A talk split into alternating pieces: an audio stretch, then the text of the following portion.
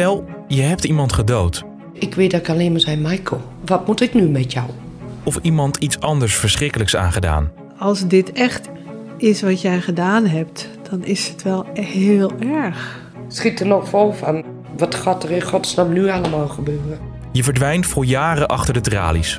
Hallo moe, hoe gaat het met jou en met iedereen? Ik zit verdorie weer in de stront. Dan besef je van mijn leven wordt nooit meer zoals het was. In deze podcast vraag ik me af hoe het is om familie van een dader te zijn. Hoe het voelt als je kind jarenlang in de gevangenis zit. Hij heeft wat, misschien wel wat uitgevreten. Maar ja, goed, je wil hem gewoon bij je aan tafel hebben zitten. En niet daar. Ik heb het met familie van veroordeelden over de angst wanneer iemand wordt aangehouden. Over onzekerheid. Over schaamte. Dat is afschuwelijk. Dat je de politie moet bellen om je eigen broer uit jouw huis te halen. Over gevangenisbezoeken. Over twijfel en toekomst. Ik vind het vreselijk wat hier allemaal gebeurt. Maar ik hou van hem. Dit is Bloedband. Een podcast van Hart van Nederland. Gemaakt door Leon Mastik en Elin Stil.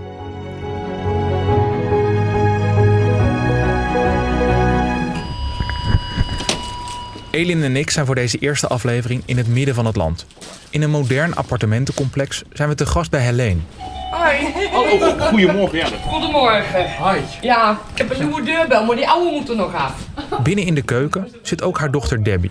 Hoi. Goedemorgen. Hoe is het? Ja, goed. Wil jij koffie of thee of water of... Uh... Een theetje. Thee? Vanaf de ronde keukentafel kijken we naar de woonkamer. Het is modern en fris ingericht, maar foto's hangen hier niet. Dat heb ik niet in mijn woonkamer, wel op mijn slaapkamer. Daar kijk ik alleen naar op, op momenten dat ik het eh, nodig heb.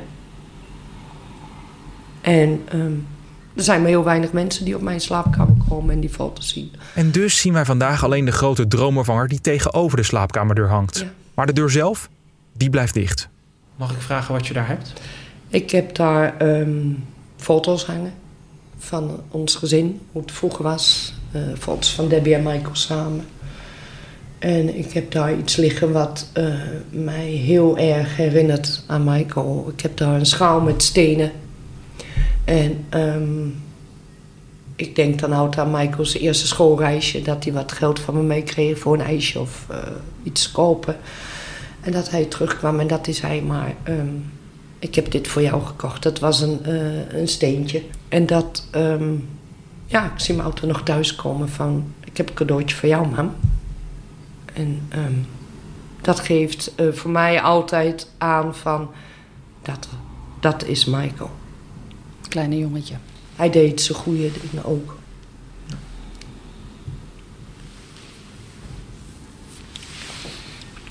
Gaat Ja. het? Ja, het geeft me heel veel verdriet als ik kijk naar die foto's. En dan denk ik, ja, vreselijke dingen gedaan, maar daarnaast eh, heb je ook dingen gedaan die goed waren. En ik ben ervan overtuigd en ik weet dat hij nu nog dingen doet die goed zijn. En ik denk dat dat het mooie is waaruit ik dan weer trots put. De Michael op de foto's achter deze slaapkamerdeur is iemand met wie de rest van Nederland in oktober 2017 kennis maakt. Michael P. Helene is zijn moeder en Debbie zijn zus. Eind september van dat jaar is het land in de ban van de vermissing van Anne Faber. Ook Helene en Debbie volgen het nieuws op de voet. Maar wat ze dan nog niet weten, is dat dit verschrikkelijke verhaal ruim een week later ook hun levens voorgoed zal veranderen. Als je krijgt te horen dat je kind is gearresteerd op verdenking van eh, vreselijke vermissing, hè, dan ehm, ja, stort je wereld in. Je, je, ja, je gelooft het niet, je, je, je, ja, je hoofd draait op volle toeren. Ehm, dat en dan de vreselijke. het besef dat er iets vreselijks gebeurd moet zijn. Of ja, dat, je, je, kan, je kan je niet voorstellen hoe je dat eh, hoe je op dat moment voelt. Hoe, hoe, en hoe vreselijk eenzaam die situatie is. Nee, want op die oktoberdag krijgt Nederland dan op een gegeven moment natuurlijk te horen... er is een verdachte aangehouden in verband met die vermissing Ja. van Anne Faber. Jullie hebben het daar waarschijnlijk iets eerder gehoord. Hoe, hoe- Ja, misschien een half uur eerder. Nee, nog niet eens. Ik weet dat de recherche bij mij was en we waren nog volop in gesprek. Tenminste, zij vooral. Ehm, en Want dat- er stond op een gegeven moment gewoon recherche bij jou op de stoep. Nou, ze belde me op. Ik, was, eh, ik had net de kinderen uit school gehaald en ik had nog even snel boodschappen gehad voor het avondeten. En toen werd ik gebeld of ik naar huis toe kon komen. En ik weet dat de recherche uiteindelijk binnen bij mij was. En ehm, dat ze dingen begonnen te vertellen, maar vooral ook te vragen. En dat toen ook in één keer de melding kwam van... oh, het is, eh, eh, het is al bekend, eh, RTV Utrecht die is al op de hoogte. Dat ik echt zoiets had van... jullie zitten hier nog. Maar toen, kwam het al, eh, toen stond het al eigenlijk overal meteen op internet. En ja, ja, dat ging zo gigantisch snel eigenlijk. Dus Ja. dat je eigenlijk zelf niet eens de tijd had om even ja, op adem te kunnen komen eigenlijk. Ging heel snel. Het was echt een, eh, een rollercoaster. Zo snel ging alles. Ja, Ehm, Want was jij ook bij Debbie toen? nee, Dus jij was toen ook ik nog- was eh, ergens anders en toen werd ik daar gebeld dat ik naar huis moest komen. En ik kwam thuis en er was niemand. En toen heb ik, eh, eh, ja, Debbie natuurlijk steeds gebeld. Maar Debbie mocht niks zeggen. Totdat ze op een gegeven moment, eh, dat ik weer belde. Dat ik denk, ja, wat is er nou aan de hand? Eh, word ik naar huis gebeld? Is het een geintje of zo? Ik wil weten wat er aan de hand is. Want wist je over wie het ging? Ja, ik, ik, ik weet dat ik dat telefoontje kreeg en dat ik, de recherche zei daar niks over, alleen je moet naar huis komen. En dat ik ja, wel zo had van, ehm, ja, dat kan alleen maar over Michael gaan. Want wie heeft er ooit van ons eh, met de politie of met de recherche te maken gehad? Nu is het alvast goed om te weten dat Michael namelijk al eerder is veroordeeld voor een zedenmisdrijf. Tot 11 jaar gevangenisstraf. En dus bellen Helene, Debbie en Michaels vader elkaar 9 oktober voortdurend om bevestigd te krijgen dat de politie hen inderdaad over Michael wil spreken. Ja, en toen ehm, ben ik ook naar jou gaan bellen. Of ik, ik, ja, dat we elkaar spraken. Dat je zei, ik ben ook gebeld. Ik moet ook naar huis komen. En dat je vader mij belde. Ik, ja, we belden elkaar door elkaar heen. Eigenlijk een beetje... en dat ik dacht, nou ja, de enige die ik nu niet gesproken heb is Michael. En ik denk dat ik hem ook heb proberen te bellen. Ik weet het niet meer. Omdat Debbie als eerste thuis is, komt er voor haar ook als eerste duidelijkheid. Ik kwam bij mijn huis aan en eh, toen stapten de twee dames een auto uit. Die liepen eigenlijk ja, zo achter me aan, zo van, nou ja, ben jij Debbie? En ehm, die vroegen meteen of ik mijn kinderen ergens eh, bij de buren kon onderbrengen. Dus nou ja, een beetje lam geslagen, dan doe je dat. En ehm, nou ja, toen kwamen ze al vrij snel dat we bij mij het huis binnengingen. Dat ze eigenlijk al zeiden van, nou ja, je broer hebben we gearresteerd op eh, verdenking van de betrokkenheid van de vermissing van Anne Faber. Ja, ik, ik, ik, had- ik heb ze echt voor gek verklaard. Ik, dat ging er bij mij op dat moment echt niet in.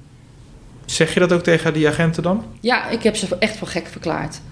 Wij hebben altijd al gezegd tegen Michael van, nou ja, weet je, in de toekomst, eh, als je vrijkomt en eh, er gebeurt iets eh, aan de andere kant van de straat met een, iets wat met een zeden ehm, delict te maken kan hebben. Hè, wat je ook doet, ze zullen als eerste bij jou staan door jouw verleden. En dat was ook eigenlijk het eerste wat, wat bij mij opkwam. Van ja, weet je, hij zit daar in de buurt. Dus dan zal het wel zijn omdat hij daar in de buurt zit dat ze bij hem uitkomen. Ja, dan weet je eigenlijk nog niks natuurlijk. Dan weet je alleen verdacht. Wat, wat, wat gebeurt er dan bij jullie in de familie? Ga je als een gek heen en weer bellen verder? Of, of ga je uitzoeken van wat Ja. kan er gebeurd zijn? Wat doe je? Wie moet je bellen? Je kan niemand bellen, want niemand... eh, als je naar de politie belt, krijg je geen antwoorden.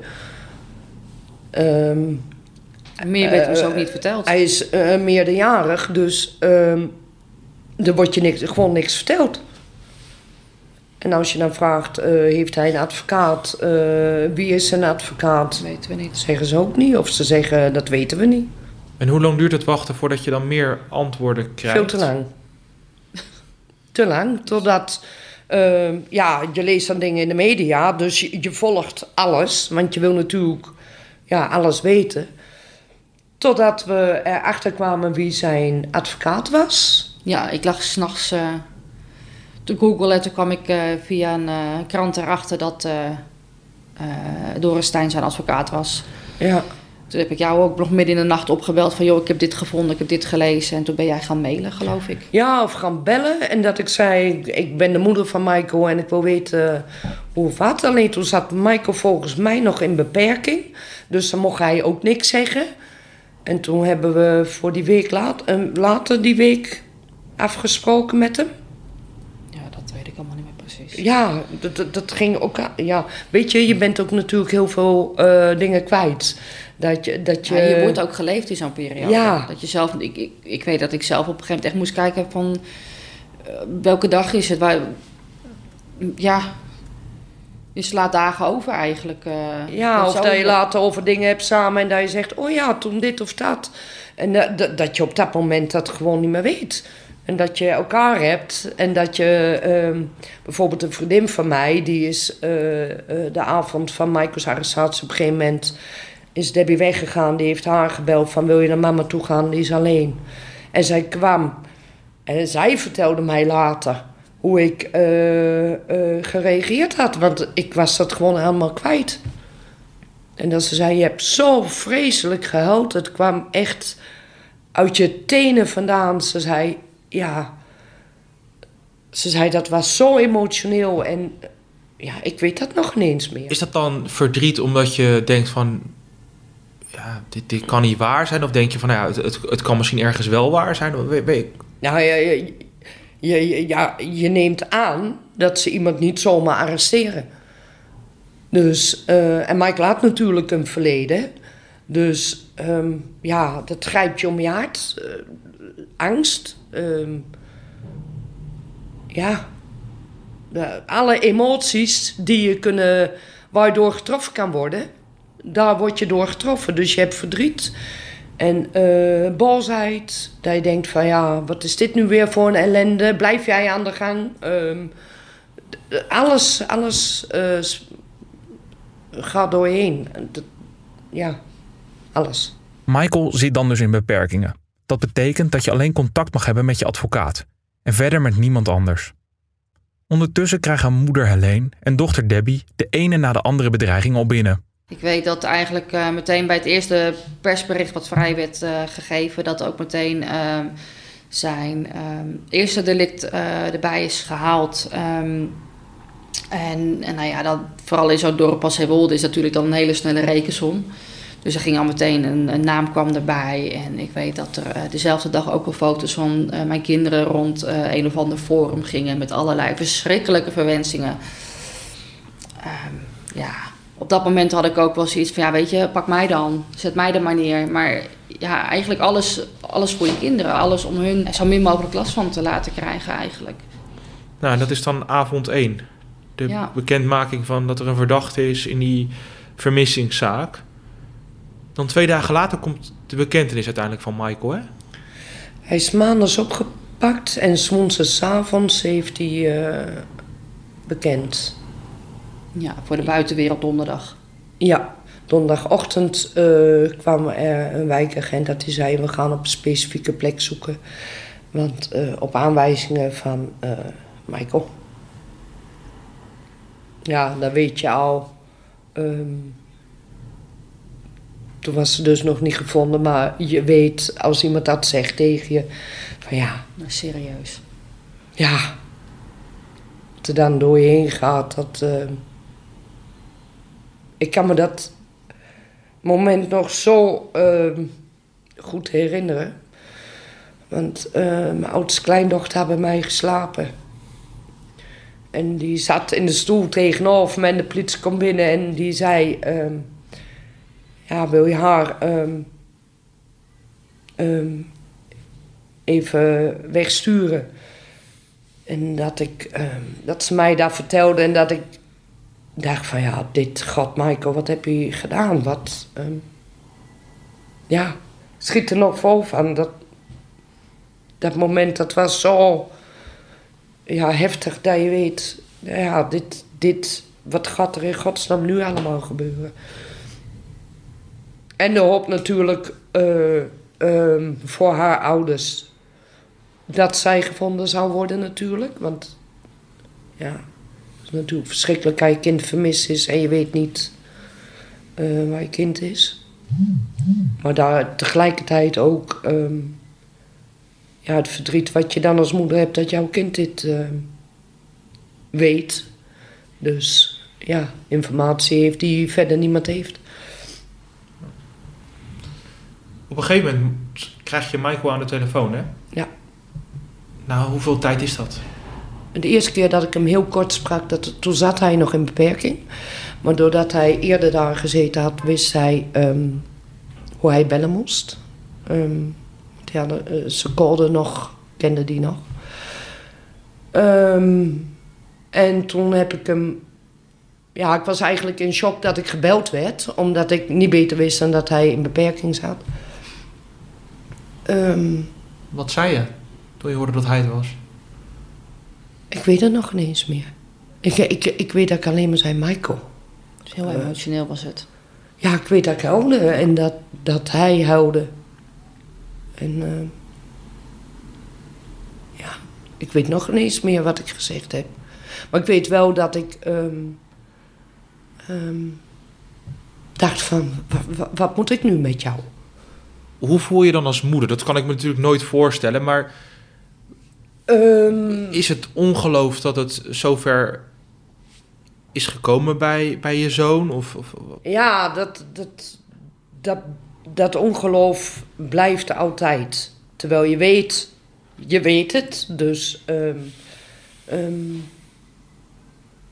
als moeder denk je dan, eh, ja, je probeert altijd eh, iets te willen begrijpen. Maar eh, ik weet dat toen een psycholoog tegen mij zei... Helene, je probeert het te begrijpen, maar dit kan jij niet begrijpen. Omdat jij anders denkt. Dat ik zei, ja, maar hoe... hoe, hoe ehm, ehm, haalt iemand dit in zijn hoofd als hij... eh, waarom maakt iemand zulke keuzes? Ja, we willen het allemaal weten. Ik denk niet dat we dat ooit gaan begrijpen, dat iemand zulke keuzes maakt. Wanneer hoorde jij het? Heb je dat hij bekend had? Ook die donderdagochtend? Ja, ik was toevallig op dat moment ook eh, bij mijn vader thuis. En daar kwam toen ook de recherche. Ik weet dat ik daar ook binnenkwam rennen op een ja, gegeven moment. Ja, jij had de wijkagent eh, bij jouw huis gehad en mijn vader zat de recherche toen op de bank. En ik werd op dat moment ook gebeld door een andere rechercheur. ehm, eh, dat er dus inderdaad ook wat gaande was, maar dat wist ik al, zei hij. Hij zegt, en ehm, ja, door deze nieuwe ontwikkelingen kunnen wij jullie veiligheid niet meer garanderen. Dus het lijkt ons verstandig als jullie tijdelijk vertrekken uit jullie eigen woning. Wat ben je gaan doen? We hebben eerst denk ik echt wel gezeten van, oké, wat moeten we nu doen? En waar moeten we dan heen? Want heel leuk dat je me vertelt dat ik eh, dat beter is als ik niet mij, in mijn eigen huis kom voorlopig. Maar waar moet ik dan wel heen met twee kinderen? Ehm, dus we zijn uiteindelijk, ehm, ehm, hebben wij een, eh, een huisje ergens gehuurd aan de andere kant van het land. En ehm, dus mijn partner is bij mijn kinderen gebleven. En toen ben ik samen met mijn moeder ben ik, eh, naar Zeewolde gereden om spullen te halen uit mijn huis. En dan, eh, ja, dan rij je dus ook langs een gedeelte heen wat dus allemaal af was gezet in de zoektocht naar Anne. Ja, dan, dan rij je daar zo. Met een waas doorheen dat je ook denkt van en dit allemaal door Michael. Terwijl de politie met man en macht zoekt naar Anne, pakt Debbie iets verderop snel wat koffers in en vertrekt daarna in alle rel naar een vakantiepark ergens anders in het land. Ze heeft voor haar gezin een huisje geboekt in de hoop onder de radar te blijven voor speurende journalisten en voor bedreigers. Je zei net, je achternaam gaat bijvoorbeeld rond over het eh, internet. Gebruik je dan een andere naam? Of Nee, nee dat is nog het, het stomme van, al- ja, stom. Ehm, ja, ik ben, ja, achteraf misschien was het niet heel slim.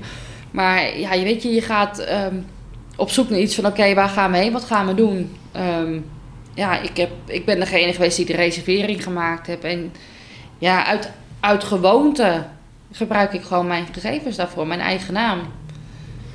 En ja, ik, ik heb er helemaal niet bij nagedacht dat, dat die P al zo snel een uitbreiding kreeg naar de naam.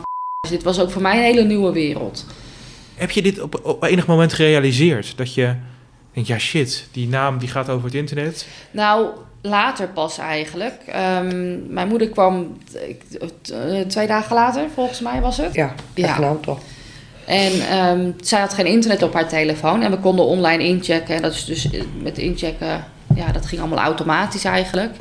En toen zeiden was dat zij geen internet, dus ze is naar de receptie gelopen om internet te regelen.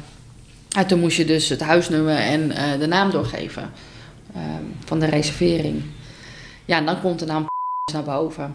Ik weet dat toen met de, met de, met die, bij de receptie dat ze... En dan staan ze je met grote ogen aan te kijken. En op dat moment had ik echt zoiets van...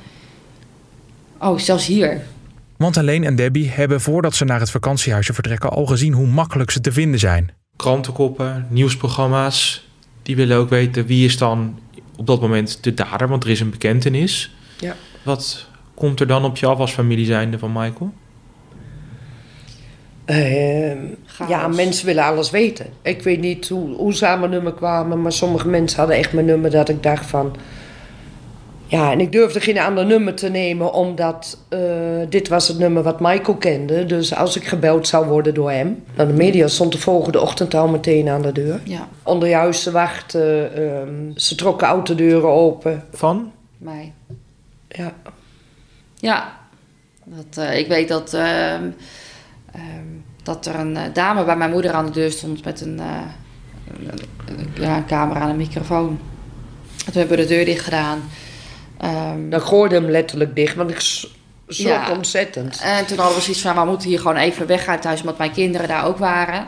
En eh, het appartementencomplex waar mijn moeder toen de tijd woonde, had ook een ehm, ondergrondse parkeergarage. Maar mijn auto stond buiten. Ik heb toen besloten om eh, ehm, naar de auto te gaan. En dan via de parkeergarage dan mijn moeder en mijn kinderen. Want die konden dan wel via het appartementencomplex eh, bij de parkeergarage komen. Zonder dat ze daarvoor over straat hoefden.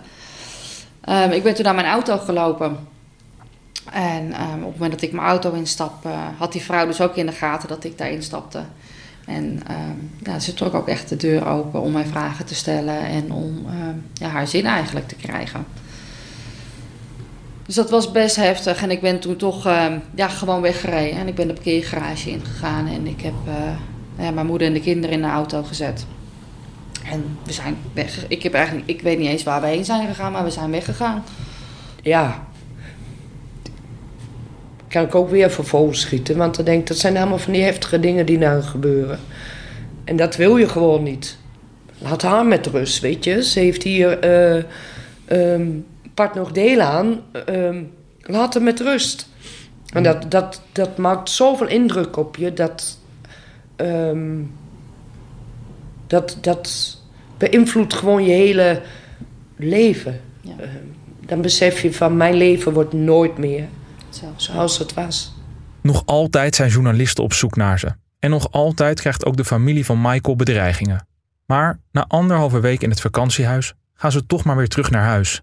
Al blijkt dat voor Helene van korte duur. Het was niet meer veilig, het voelde niet meer veilig. Veel bedreigingen die via allerlei kanalen bij mij binnenkwamen. En ehm, dat mijn ex op een gegeven moment zei: Je moet hier weg. Want dit is echt niet meer veilig voor jou. Je moet hier echt weg. En dan ehm, denk je van: ehm, Ja, dag. Dat is mijn huis. dit is mijn huis, mijn plekje, mijn veilige, het enige plekje waar ik veilig ben. Voor je gevoel, of veilig wil zijn. Maar dat het echt ook niet meer veilig voelde door dingen die er gebeurden. En dat ik dacht van, oké, ja, daar moet ik mijn veilige plek op geven.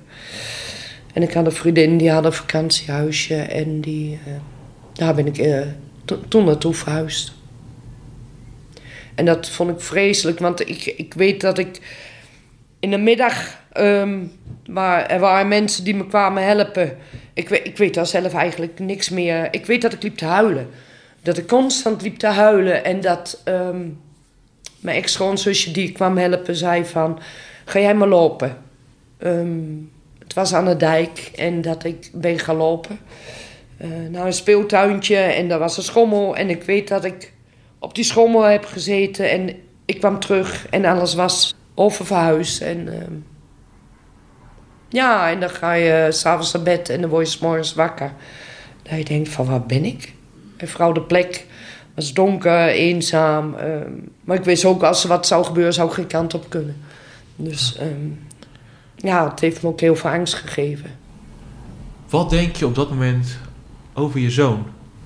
Ja, dat, dat is het eh, moeilijke eh, van alles. Dat je ehm boos bent, woest. Maar ook dat ik dacht van, ik wil je nooit meer zien. Ik laat je los, ik laat je gaan. Ehm, en daar heb ik echt wel, dat heb ik echt wel proberen te doen. Dat ik dacht van, wat dit, dit, dit kan ik niet dragen. Er is één moment geweest, ik moest gaan werken. Dus ik stapte om half zeven op de fiets om te gaan werken. En ehm, ik moest over een heel smal paadje. En ehm, ik ben toen gevallen en toen heb ik daar echt letterlijk alles vervloekt. Alles en iedereen. Dat ik dacht van, zo wil ik niet leven. Dit, ehm, ik denk niet dat ik dit aan kan. En om het voor mezelf gemakkelijker te maken, eh, dacht ik, ik wil afstand, ik, ik, ik, wil dit niet meer. Maar ehm, tegelijkertijd is er een, een, een, een, een, dingetje in je hart wat zegt, ja, maar het is wel jouw kind. En ehm, je hebt hem gedragen negen maanden. Je hebt hem uh, op zien groeien. En als liefde uh, zo gemakkelijk was dat je op een knopje kunt drukken en zeggen van ik voel de liefde niet meer. Dan zou dat in sommige gevallen wel heel prettig zijn, maar dat is niet zo. Goedemiddag.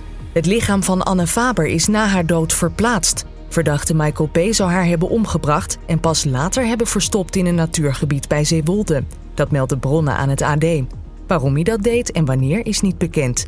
De auto die Michael P. zou hebben gebruikt is in beslag genomen. Er zijn bloedsporen in gevonden. Het is inmiddels een paar weken na de aanhouding van Michael. Helene en Debbie en haar kinderen zitten in de auto als dit nieuwsbericht op de radio klinkt. Ik wou zo snel mogelijk natuurlijk ook die radio zacht zetten. Omdat ja, dat, ja, dat, er zaten twee kinderen op de achterbank. Um, waarvan mijn oudste toch wel een en ander heeft meegekregen en daar ook vragen ging stellen. Die vroeg dan aan je, waar zitten die vlekken of zo?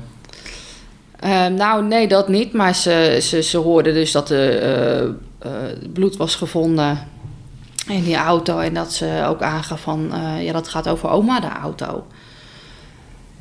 En ik, ja, dat was een meisje van vijf toen de tijd. Dus ik heb toen maar een draai eraan gegeven van, nee, dat, dat gaat niet om oma's auto. Het gaat om een andere auto. Um, ja, wat moet je tegen een kind van vijf vertellen? Ik weet het niet, nog steeds niet. Ondanks dat ze nu geen vijf meer is. Weet ik nog steeds niet uh, wat ik een kind moet vertellen over zo'n situatie. Bijna op hetzelfde moment gaat de telefoon van Helene. Het is Michael. Omdat Debbie niet wil dat haar kinderen het gesprek horen, stuurt ze de auto naar de kant, zodat Helene buiten kan bellen. Michael vertelt haar dan wat ze al vermoedt. Hij heeft een bekentenis afgelegd. En Helene weet, mijn kind gaat voor lang de gevangenis in. Opnieuw. Ja, ik heb toen langs de kant van de weg gezeten. En uh, ja, was heel emotioneel. Heel, uh, toen dacht ik, ja, ik ben jou ook kwijt. Ja, ik heb dan twee kinderen op de achterbank zitten. En ik heb dan de moeder die daar overstuur staat. Ik heb heel vaak gezegd van, ja, ik, ik weet niet wat ik moet doen. Ik weet niet wat ik moet zeggen. Ik, ik weet het niet. En dat is iets wat wij uh, en nog heel vaak roepen eigenlijk. Ik weet het niet. Ik weet niet wat ik moet doen. Omdat Michael de auto van zijn moeder heeft gebruikt om Anne te verplaatsen, wordt Helene daar ook op aangekeken. Iedereen vraagt zich af: hoe kon je die auto toch meegeven? Wist je ervan? Het zijn vragen die Helene tot op de dag van vandaag raken. Ja, hij had mijn auto mee. Maar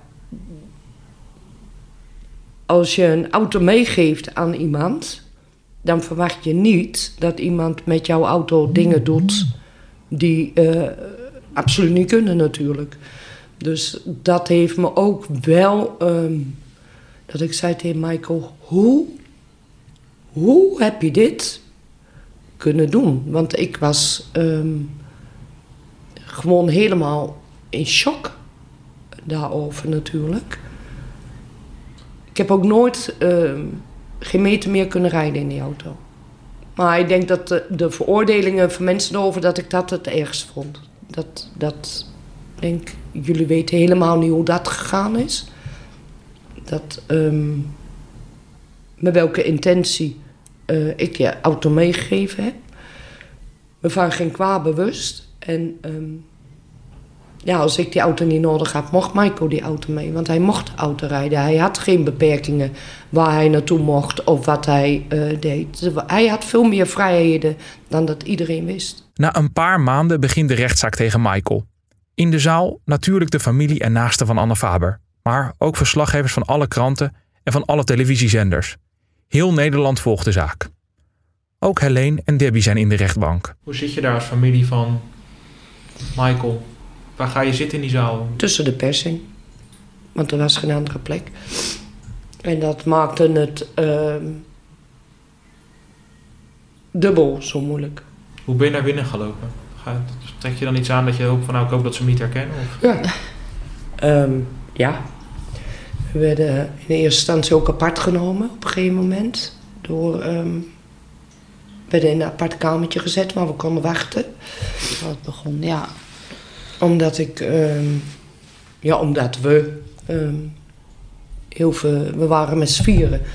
En ja, vreselijk gespannen natuurlijk. Ook, ook angst dat je uh, herkend zou worden. Um, en, um, Is er veel schaamte dan? Ja, absoluut. Alleen maar. Ja, schaamte, verdriet, ja. Um, ik zie dan een moeder die spreekt. Um, ja, dat raakte me enorm. Um, ja, dat, dat, dat, terwijl je weet dat je niks kan doen en dat mensen jou aankijken omdat jouw kind dat ge gedaan heeft. Ja, vreselijk. Dan komt er op een gegeven moment natuurlijk ook een uitspraak. Een eis en een uitspraak. Ja. Is dat dan de bevestiging van wat je net zei? Ik ga Michael misschien wel nooit meer zien? Als je dit hoort, dan denk je ja, ja, dit is het. Dit was het nieuwe, het nieuwe levenslang. Echt 20 jaar aan TBS. De pijn van je zoon waarschijnlijk nooit meer zien. Het moeten missen van je broer. Het in de ogen kijken van nabestaanden. Ik begrijp wat Debbie en Helene me vertellen over wat zij meemaken in die eerste weken. Maar tegelijkertijd vraag ik me af hoe het voelt om over die gevoelens te praten. Kan dat wel? Mag dat? Dat is een beetje een moeilijke vraag, maar ik probeer dat te begrijpen. Want je bent aan de ene kant vervloek je hem. Je zei net heel even die knop van, nou, als dat had gekund, had ik hem toen misschien wel uit willen zetten van uh, houden van. Voelt het dan moeilijk omdat je zelf realiseert van ik heb het zwaar omdat, omdat dit ons nu allemaal gebeurt, terwijl je weet dat aan de andere kant een slachtoffer is met een familie, ja, die er helemaal los van staan eigenlijk. Is Ja. dat, voel je daar nog schuldig over, over dat gevoel nergens? Dat je zelf ook verdriet hebt terwijl je weet van iemand anders is definitief iemand kwijt? Nou ja, het, het, het, ehm, het is vreselijk om te moeten leven dat andere mensen verdriet hebben om wat jouw zoon gedaan heeft. En dat vind ik vaak onverteerbaar, want dan denk ik, jij hebt eh, die daad gepleegd en jij hebt eh, mensen vreselijk veel verdriet eh, gegeven. En dat, ehm, bovenal dat ik niet begrijp dat mijn kind dat gedaan heeft, vind ik dat ehm, heel, heel moeilijk om daarmee ehm, te leven. Om daarmee. Want ik, ik, ik zou ze zo graag eh, een ander leven gunnen. En- Maar ik weet dat hun leven ook voorgoed eh veranderd is en nooit meer hetzelfde kan worden. Is het moeilijk om aan deze kant van het verhaal verdriet te laten zien? Ja, omdat veel mensen je het gevoel geven dat je het verdriet niet mag hebben. Ja. Want ehm er is altijd begrip voor het verdriet van ehm, familie van slachtoffers. En dat is logisch, want die zijn hun kind kwijt. Dat, dat, ik zou de laatste zijn die zou zeggen dat verdriet... Dat, dat, ja, dat, dat moet verschrikkelijk zijn. Eh, Dat kan ik me niet voorstellen hoe groot dat moet zijn... omdat ik dat niet meegemaakt heb. Mijn verdriet is anders. Want ik heb een kind die dat veroorzaakt heeft. Maar mijn verdriet is daar niet minder voor. En ik voel ook verdriet voor hun. En ik voel ook verdriet eh, om mijn eigen kind dat hij zo ver gekomen is. En ik voel verdriet van mijn dochter die eh, dit meemaakt door haar broertje. Er is geen weegschaal van welk verdriet is groter. Ik, ik- denk dat elk verdriet er één te veel is.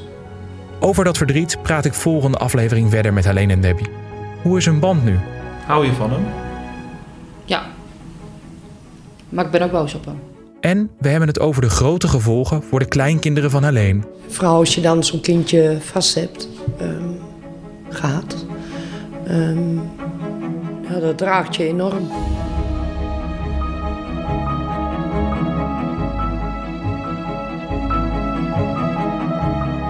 Dit was Bloedband, een podcast van Hart van Nederland. De redactie is gedaan door Daniel Bom en Elin Stil. Eindredacteur is Irene Jansen. En voor deze aflevering zijn we erg goed geholpen door Stichting Herstel en Terugkeer, die voor ons wilde bemiddelen.